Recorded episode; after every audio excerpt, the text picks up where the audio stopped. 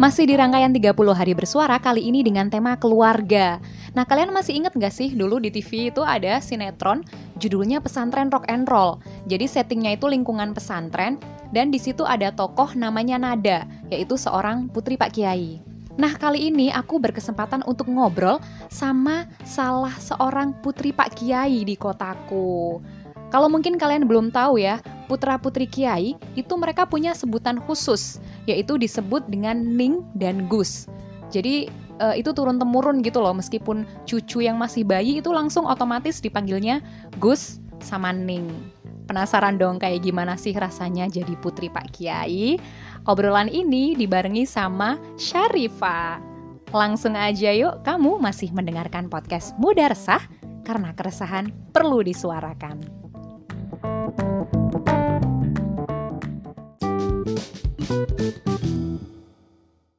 Assalamualaikum Neng Syarifah. Waalaikumsalam. Aduh aku aku selama ini gak pernah manggil Neng ya. Mohon maaf nih mohon maaf. Santai aja gak apa-apa kok. Ma Manggil boleh manggil siapa aja? Adek, adek Syarifah. Iya boleh banget. Manggil Gimana adek. kehidupan hari ini Neng? Alhamdulillah kehidupannya luar biasa. Pandemi banyak drama. Pan pandemi banyak dramanya. Iya. masih sibuk di pesantren Iya, bisa dibilang masih sibuk atau baru sibuk di pesantren karena kan baru pulang ke Indonesia. Baru pulang ya. selesai S2 ya. Eh udah selesai belum sih kamu? Udah selesai alhamdulillah. Udah selesai, tinggal wisuda aja. Tinggal wisuda sama adalah perintilannya dikit Perintilan, oke. Okay. Jadi uh, Syarifah ini adalah putri ke kedua, putri kedua. Putri kedua dari uh, seorang kiai di di salah satu pesantren di Jawa Timur boleh disebut nggak sih? Pesantren Asyarifi. Aku bangga sih sama pesantrenmu. Pak keren banget. Iya iya. banget. Boleh boleh disebut boleh boleh boleh. Eko pesantren. Eko pesantren. Yang kemarin baru dicanangkan sebagai eko pesantren sama Pak Bupati Lumajang. Karena eh, sebagai percontohan bagaimana pesantren itu juga bisa sangat berdampingan dengan alam gitu ya. Hmm. Oke, Syarifah ini adalah putri kedua dari pengasuh pesantren Asyarifi Pandanwangi, Tempeh Lumajang. Kalian yang dengerin ini mungkin nanti main ke Lumajang, boleh ya main ke pesantren? Oh iya, ya? boleh banget, boleh, boleh, boleh banget. Untuk lihat, lihat pemandangan kehidupan pesantren itu kayak gimana, bersih dan keren banget. Aku udah pernah main ke sana dan jadi pengen nyantri. Gak apa pengen nyantri aja. Nyantri. Pondok kilat. Eh, pondok, pondok kilat. Ya, ya, ntar Ramadan ya. Boleh, boleh. Tiga hari. Oke, okay uh, Syarifah, kita mau ngobrol tentang ini sebenarnya topiknya kan keluarga. Ya. Makanya kenapa aku langsung inget kamu, bagaimana sih keluarga di lingkaran lingkaran pesantren itu gitu. Bagaimana sih kehidupan seorang Ning sehari-harinya, kehidupan apa ya, mungkin nanti karirnya, kehidupan keluarganya gitu. Nah, kalau uh, kita mulai dari lingkaran pesantren aja dulu ya. Kalau di pesantren itu biasanya seorang ning itu apa kewajibannya atau perannya kalau di pesantren? Uh, iya, kalau untuk perannya sendiri itu uh, namanya sebagai anak dari sentral ya, dari hmm. dari sentral yang punya punya pesantren, pastinya kami juga dihormati sama persis dengan uh, uh, uh, dengan bapak kita lah ya seperti itu ya karena di pesantren juga itu yang jadi sentralnya itu kan kiai dan bunyai. Kemudian hmm. baru keluarga dalam kan anak -anak istilahnya kan di dalam ya. Ya, ya hmm. jadi rumah rumah kiai itu disebutnya dalam lah kalau hmm. di kalangan pesantren. Jadi ya kami juga sama dihormati. Kemudian santri biasanya kalau lewat di depan kami itu kayak mungkruk-mungkruk lah kalau kata orang Jawa. Iya ya, seperti sampai itu kayak gitu. sampai sampai kayak gitu. Kemudian juga kita juga ngajar sama ya sebagaimana mestinya lah ya apa ya jadi kita juga punya kewajiban yang sama dengan orang tua kita gitu. Hmm. tapi ya berproses gak tiba-tiba langsung kita punya kewajiban yang besar enggak. Hmm. jadi ya kita sendiri juga sekolah dulu ngaji dulu. Ada yang kita mondok di tempat lain juga. Tapi kebetulan kalau saya saya cuma belajar ya ke orang tua sendiri sama ke pak d pak d seperti itu Hmm. Tapi memang semua Ning dan Gus itu wajib mondok ya. Ada juga yang nggak mondok. Ada juga yang nggak mondok. Ya, itu semuanya tergantung ya, tergantung di keluarganya itu seperti apa. Tapi memang kebanyakan hmm. kami ya dididik untuk mondok juga di karena Iya. nanti akan meneruskan iya meneruskan dan pesantren uh, uh, itu dan masuk di lingkaran uh, kependidikanan pesantren jadi guru Jadi guru, jadi ust- iya, ustadzah, jadi ust- ustadzahnya. ustadzah itu Nah, iya. otomatis ya Otomatis, dan, dan otomatis. harus gitu kayak sebuah keharusan gitulah ya meskipun Hmm. nggak menutup kemungkinan banyak juga anak-anaknya kiai yang nggak jadi kiai juga gitu nantinya Oke. ada juga misalkan eh, di sepupu-sepupu saya pun juga ada yang nggak punya pesantren gitu Hmm. jadi ada dia yang ada yang jadi dokter ada yang Hmm. jadi pilot gitu jadi nggak nggak semuanya itu melulu jadi eh, kiai juga nantinya tapi ini semuanya ber- kembali lagi ke keluarganya ya Hmm. kalau ada yang strict banget oh nanti karena bapaknya kiai ya anaknya juga harus, harus jadi kiai oh ada yang kayak gitu Nah, ya anaknya kiai nanti nikahnya juga sama anaknya kiai nah eh itu di segmen akhir nanti. Oh gitu boleh boleh boleh.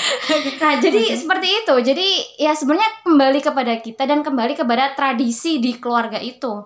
Kalau yang tradisinya memang harus dituntut untuk jadi kiai gitu kan ada kan? Ada keluarga Hmm. kiai yang seperti itu harus harus bisa baca kitab gitu ya. Bisa baca kitab harus bisa ini itu. Kemudian tapi di sisi lain ada juga yang nggak seketat itu ada yang bisa jadi jadi profesi lain gitu lah nggak harus jadi kiai atau bunyai juga nantinya seperti itu tapi kalau di Syarifah sendiri kalau di kalau di keluarga lingkaran saya keluarga Syarifah eh, itu nggak nggak harus nggak harus Oh, jadi harus. kiai juga tapi apa ya kayak kita secara Diharapkan. nat apa ya secara tidak sengaja atau memang udah na- na- natural gitu ya Natural. itu memang udah oh ya udah aku berarti nanti harus meneruskan ini gitu Oh, apalagi oke. apalagi saya gitu cuman dua bersaudara kan jadi ya kalau bukan saya sama kakak saya ya siapa lagi gitu yang mau Eh, iya, yang mau iya, iya. Meneruskan pesantren seperti itu Hmm, jadi tetap sebenarnya tidak dilarang untuk berprofesi di Hmm, iya. bidang lain, tapi ya ayo pesantren ini kan tidak didirikan satu dua hari Hmm, gitu kan, iya. prosesnya panjang. Jadi panjang. ada juga beban bukan beban sih tanggung jawab moral gitu ya Hmm, sama tanggung jawab orang tua itu. dan sama masyarakat sekitar juga Iya. untuk harus meneruskan meneruskan perjuangan pesantren. iya Oke, tadi sempat eh, Syarifah singgung bagaimana Gus dan Ning sampai anak cucu Pak Kiai itu mendapatkan penghormatan gitu ya di kehidupan sehari-hari. Kalau menurut Syarifah sendiri, Hmm. yang selama ini Syarifah rasakan, itu gimana sih mendapatkan penghormatan dan keistimewaan kayak gitu? Eh seneng atau mungkin pernah nggak sih satu waktu tuh merasa aduh nggak usah wes Iya, gitu iya. Nggak- kayak gimana Iya, sampai iya. sa- biasanya sampai ke bawah ke kehidupan di iya luar pesantren kehidupan kan? di di luar tuh juga mempengaruhi sih Ah. Jadi sebenarnya ketika kita di dihormati banget gitu, itu juga ada enaknya, ada nggak enaknya. Hmm, enaknya Nah enaknya yang namanya dihormati kan pasti enak lah ya. Kita jadi manusia misalkan ya seneng gitu, Ya, seneng gitu kan. penghormatan. mendapat peng- penghormatan, tapi di sisi lain itu juga jadi beban moral. Hmm. Jadi secara tidak langsung kita seakan dituntut untuk kita tuh baik gitu. Hmm, hmm, hmm, baik hmm, terus jadi oh jadi kalau anaknya kiai itu nggak boleh gini nggak boleh salah Hmm. dikit aja udah wah masa kenanya kiai gitu Nggak sih boleh Nah, gibahin anaknya Nah, iya, nah, padahal gibah, kita-. Lah kita juga manusia biasa Padahal kan. gibah itu Nah, enak gitu. Kayak misalnya kita berteman gitu, berteman sama ini itu gitu. Masa sih anaknya kiai bertemannya sama yang itu Kayak gitu gini. nah, kayak gini. Mm-mm. Soalnya kan eh circle pertemanannya tuh harus yang sama kayak gitu juga Eh, gitu. Padahal ya, sesama ya kita berteman kan bisa berteman Mm-mm. dengan siapa aja kan. Nah, jadi ya mungkin itu sih ya. Karena beban moralnya juga itu yang mungkin ada rasa nggak enaknya itu. Jadi kayak di Hmm. beban beban moral itu. beban iya lebih ke itu sih karena titel seorang Hmm. ning apalagi kalau ada temen yang tahu kalau kamu ning Iya, gitu ya iya. Nah, pernah nggak sih ada temen yang kayak aku deh misal aku kan dulu Hmm. nggak tahu ya kalau kamu seorang ning gitu Iya, iya. baru kemudian setelah bertahun-tahun gitu oh Syarifah ini putrinya Pak Kiai gitu aku respectnya adalah Syarifah nggak nggak ngeliatin sih kalau dia maksudnya dalam Mm-mm. artian tidak pernah membawa-bawa nama Iya. Pesantren makanya aku lama baru tahu kamu kalau kamu adalah anak Pak Kiai itu kan baru-baru kemarin-kemarin ini loh Syarifah ini ning ternyata gitu. pernah nggak sih ada pengalaman yang temen eh, nggak tahu kalau kamu seorang ning terus Iya. kemudian tahu kemudian ada apa ya perilaku atau eh kayak respon ke kamu yang dia merubah sikap gitu Hmm. misalkan Iya, ada nggak cerita-cerita kayak gitu Ada sih du- dulu waktu masih S1 ya, waktu S1 di Jember juga eh, ada temen yang awalnya nggak tahu gitu ya. Hmm, hmm, hmm. tapi ketika tahu mereka tuh kayak menjaga sikap gitu ya Oh. menjaga sikap jadi Nggak kayak berani iya jadi Gak berani jahilin, iya gak berani. sungkan gitu sungkan padahal ya Oh. sebenarnya saya sendiri tuh biasa aja gitu ya udahlah Mm-mm. biasa ya udah ya temen ya udah temen Ya udah, aja mm-mm. Dan juga pesan dari orang tua juga ya udah kalau Hmm. ketika kamu jadi eneng ya udah enengnya tuh di rumah Di aja gitu di, di, uh, di rumah aja sama di santri-santri. di lingkungan Hmm. pesantren di lingkungan santri kalau di luar rumah ya udah kamu bukan eneng lagi gitu ya Hmm. ya kamu sama kayak teman-teman kamu gitu gitu sih ya kalau itu yang terjadi di di sini ya maksudnya kayak di daerah Jawa Timur karena memang kan kayak tradisi pesantren itu kan Mhm. kental banget kan di Iya. Jawa Timur tapi ketika saya udah S2 di Malaysia dan teman-temannya itu nggak yang dari Indonesia ya ini khususnya nggak semuanya dari Jawa Timur banyak dari provinsi lain itu itu mereka biasa aja gitu Hmm. jadi mereka malah itu lebih membuat saya itu lebih nyaman gitu loh ketika Hmm. mereka nggak ada sekat Tahu. gitu Heeh. meskipun awalnya mereka nggak tahu dan ketika tahu itu mereka biasa aja malah lebih lebih seneng gitu dan lebih nggak ada beban kalau nggak dipanggil neng itu itu Hmm. lebih suka aja gitu jadi ya udah berarti aku sama kayak mereka gitu Iya, jadi iya. kita berteman itu kayak nggak ada sekat gitu kan justru dipanggil neng tuh kayak ada beban sendiri gitu loh Hmm, iya. mungkin itu sih ya itu saya ya mungkin orang lain Iya. beda jadi gitu ya. jadi selama ini kalau misalkan ketemu sama temen atau apa nggak usah lah nggak perlu tahu kalau aku Iya. baru nanti eh Syarifah nanti aku main ke rumahmu ya Iya. Gini, di mana Eh, nanti cari aja di maps pondok pesantren Asyarifi ya itu gitu. memang nggak bisa dipungkirin juga Iya, karena ya ya pasti Eh, apa ya tahu akhirnya sepinter-pinternya kita Hmm. nyembunyi identitas pasti lama kelamaan ya ketahuan juga gitu Mhm. yang penting kita nggak keluar-keluar aja Nggak "Eh, aku lo anaknya kayaknya nggak Nah, ya nggak nggak penting juga kan kayak gitu nggak perlu Bener. gitu. Nah, itu eh, dari statement kamu yang tadi itu, itu mengingatkan aku kamu beberapa kali itu bikin status tentang gak gak terlalu penting juga untuk tahu kalau kita itu anak kiai. Kamu adalah anak kiai. Iya. Kamu beberapa kali bikin eh, status yang menyinggung tentang nasab ya, Hmm. tentang garis keturunan yang itu dihubungkan sama apa mungkin perilaku dan kualitas seseorang. Nah, Hmm. itu aku aku tertarik. Aku ba- Iya, aku iya. sering baca statusmu yang itu, tapi masih aku belum belum berani untuk menyinggung dan tanya kelanjutannya. Kenapa? Dan kayaknya eh, Masmu juga kadang ini ya eh, mengeluarkan statement yang Iya, berhubungan statementnya sama hal itu. Nah, Sa- nggak apa? nggak jauh beda. Eh, apa hal yang membuat kalian ingin apa ya ingin bersuara tentang hal ini kalau nasab dan kualitas diri itu nggak selalu nggak jamin gitu nasabmu tidak menjamin kamu seperti apa iya jadi pertama pertama gini ya eh, nggak nggak bisa dipungkirin juga kalau nasab itu nggak berpengaruh nantinya Hmm. tapi ya memang apa ya kita eh, nasab atau garis keturunan itu juga biasanya juga dicari kan Mhm. oh, oh ini dia anaknya orang baik-baik nggak dia Mhm. keturunannya orang baik-baik itu itu pasti kan itu pasti Oke. tapi di sisi lain kita juga eh, kualitas diri itu itu yang lebih penting sebenarnya karena Hmm. banyak kan eh, dia ada orang yang cuman mengandalkan dia itu anaknya siapa atau Mhm. cucu-cucunya siapa Iya gitu iya iya. Tapi sementara dia sendiri sebenarnya dia nothing gitu loh jadi jadi dia- cuman apa ya dia cuman Membawa ah, nama besar na- nama besar dan juga keturunan. privilege-nya aja gitu Hmm, Padahal kan oke. sebenarnya uh, it's not only privilege kan, tapi juga kita juga butuh work hard juga kan. iya gitu. iya iya. Jadi lebih ke situ sih. Jadi, dan harusnya privilege garis keturunan Ha-ha. itu nggak jadi bukan yang hanya jadi pride Mm-mm. tapi juga jadi dorongan oke Iya. karena aku punya garis keturunan ini aku harus menjaga Nah. nama baik nah justru nah dengan benar. Jadi Nah, uh, karena dia punya privilege itu, punya garis keturunan yang bagus, terus hmm, juga misalkan dari keluarga yang mampu lah. Kebanyakan orang itu kan malah kayak meremehkan ya. hmm, ah aku aku anaknya ini nanti aku pasti jadi gini gitu. Ah. Nah, padahal seharusnya itu itu jadi penyemangat juga kan buat iya, diri iya, sendiri. iya. Harus apalah jaga image lah. Masa bapakku gini tapi akunya gini-gini aja gitu loh. Hmm, hmm, hmm. Lebih ke situ Nggak, sih. bukan jadi sesuatu yang ah kan aku dari garis keturunan sudah Mm-mm, sudah bagus. jadi pasti masa depanku nggak usah tak pikirin Ah, lah nggak iya. usah nggak usah yang pusing-pusing pasti akan eh, akan aman terus sampai masa Mm-mm. depan karena garis Padahal itu kan keturunan nggak nggak Ah, bergantung di situ it- kan, tapi iya, kan iya, iya. kualitas diri itu lebih penting gitu. Hmm. Hal ini itu memang eh, berasal dari pemikiran kamu sendiri atau ada nggak sih kejadian atau omongan orang atau nggak tahu apa yang memantik sampai kamu menyuarakan opini ini? Memang dari diri sendiri atau ada sesuatu Iya, pemantiknya? selain memang dari diri sendiri juga disebabkan karena fenomena lah pasti lah ya kan ada ada ada Observasi sebabnya, ya, iya. ya.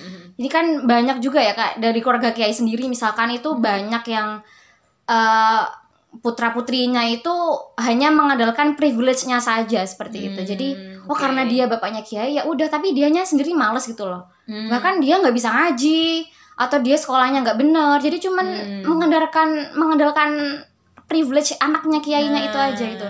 Dan sementara orang lain menghormati dia ngiranya Hmm. karena dia itu sealim bapaknya padahal Ah. sebenarnya dia nggak bisa apa-apa. Oh, aduh aduh. Nah, iya? Yang jadi ketika ngelihat orang yang seperti itu, Mhm. Allah yang alim itu bapakmu, kamu nggak alim gitu loh. Hmm. Jadi itu sih sebenarnya yang menggelitik sampai eh, sering sampai bikin harus ada statement iya, itu statement ya. itu.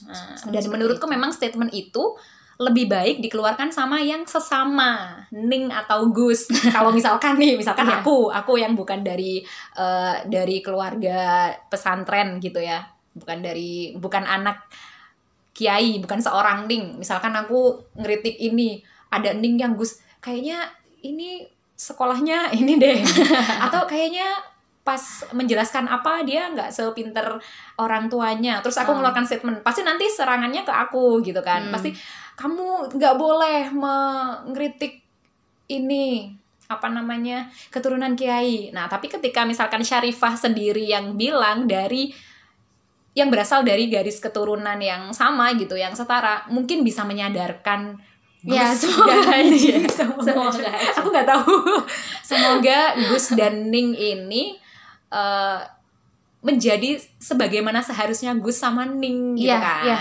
Iya benar benar benar. Oke, eh ini ini gak sih pernah kamu dapat apa ya sentilan mungkin di luar sana tentang stereotip seorang Ning gitu? Mungkin kamu pernah dapat pertanyaan dari temen, eh Syarifah katanya Ning itu begini ya kalau di ini, katanya Ning itu harus gini ya, pernah gak sih dapat komentar dari luar Pernah luar lingkaran? Pernah. Pernah. Kayak gimana tuh? Yang ba- yang banyak ditanya itu sebenarnya sama teman-teman ya khususnya. Heeh. Bener nggak sih kalau anaknya kiai itu nikahnya harus sama anaknya kiai itu? Padahal aku mau tanya itu, Ah, iya. ternyata eh, Nah itu yang paling banyak ditanya Ah, sebenarnya. ternyata keresahanku sama Iya. keresahan masyarakat di luar sana sama. Jadi jawabannya adalah Jawabannya nggak harus. oh Nggak harus. harus, oke. Kalau kalau untuk saya ya, jawaban saya ya itu nggak harus. Nggak Soalnya, hmm, soalnya Nggak aku harus. juga sering menemukan eh, putri kiai ini nikah sama Iya, memang Gus ini. Tradisi ya? perjodohan di antara keluarga pesantren tuh memang masih ada Hmm, banget sampai sekarang itu masih beneran masih banyak. Kayak ini ya fenomena Iya. kerajaan ini. Iya sama iya, dia. nggak jauh beda dengan itu sebenarnya. Hmm. Jadi anaknya kiai ini jodohin sama anaknya kiai ini. Sebenarnya itu alasannya sebenarnya untuk menjaga nasab ya, biar Menja- hmm. nasabnya itu sama lah gitu. Tapi sebenarnya itu nggak jadi patokan juga sih. Hmm. Kalau untuk di keluarga saya tuh nggak nggak ya, nggak- harus. nggak harus nggak harus. Lebih dilihat kualitasnya aja sih Eh, sebenarnya. lebih dilihat kualitasnya dan nanti bisa nggak menjaga Iya, keluarga bisa. jadi imam yang baik Iya. terus mungkin terutama Dan yang terutama paling penting itu bisa meneruskan Ah, meneruskan nah, pesantren meneruskan itu. pesantren itu bisa nggak ya buat gitu apa kan. juga kan nikah dengan sesama anaknya kiainya tapi, Tapi dia nggak bisa meneruskan pesantren pesantren. itu nah iya itu Oke. sebenarnya yang jadi patokannya sih di itu bisa nerusin pesantrennya itu kalau kalau Syarifah dari aduh kok pertanyaannya kayaknya gawat banget ya?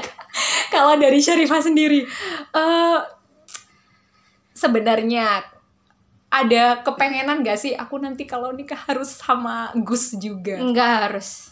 Nggak. Kalau misalkan ini di apa ya terlepas dari kualitas gitu dari Hmm. kualitasnya bagus gitu. Bagus pokoknya kalau bisa kalau bisa harus sama Gus juga.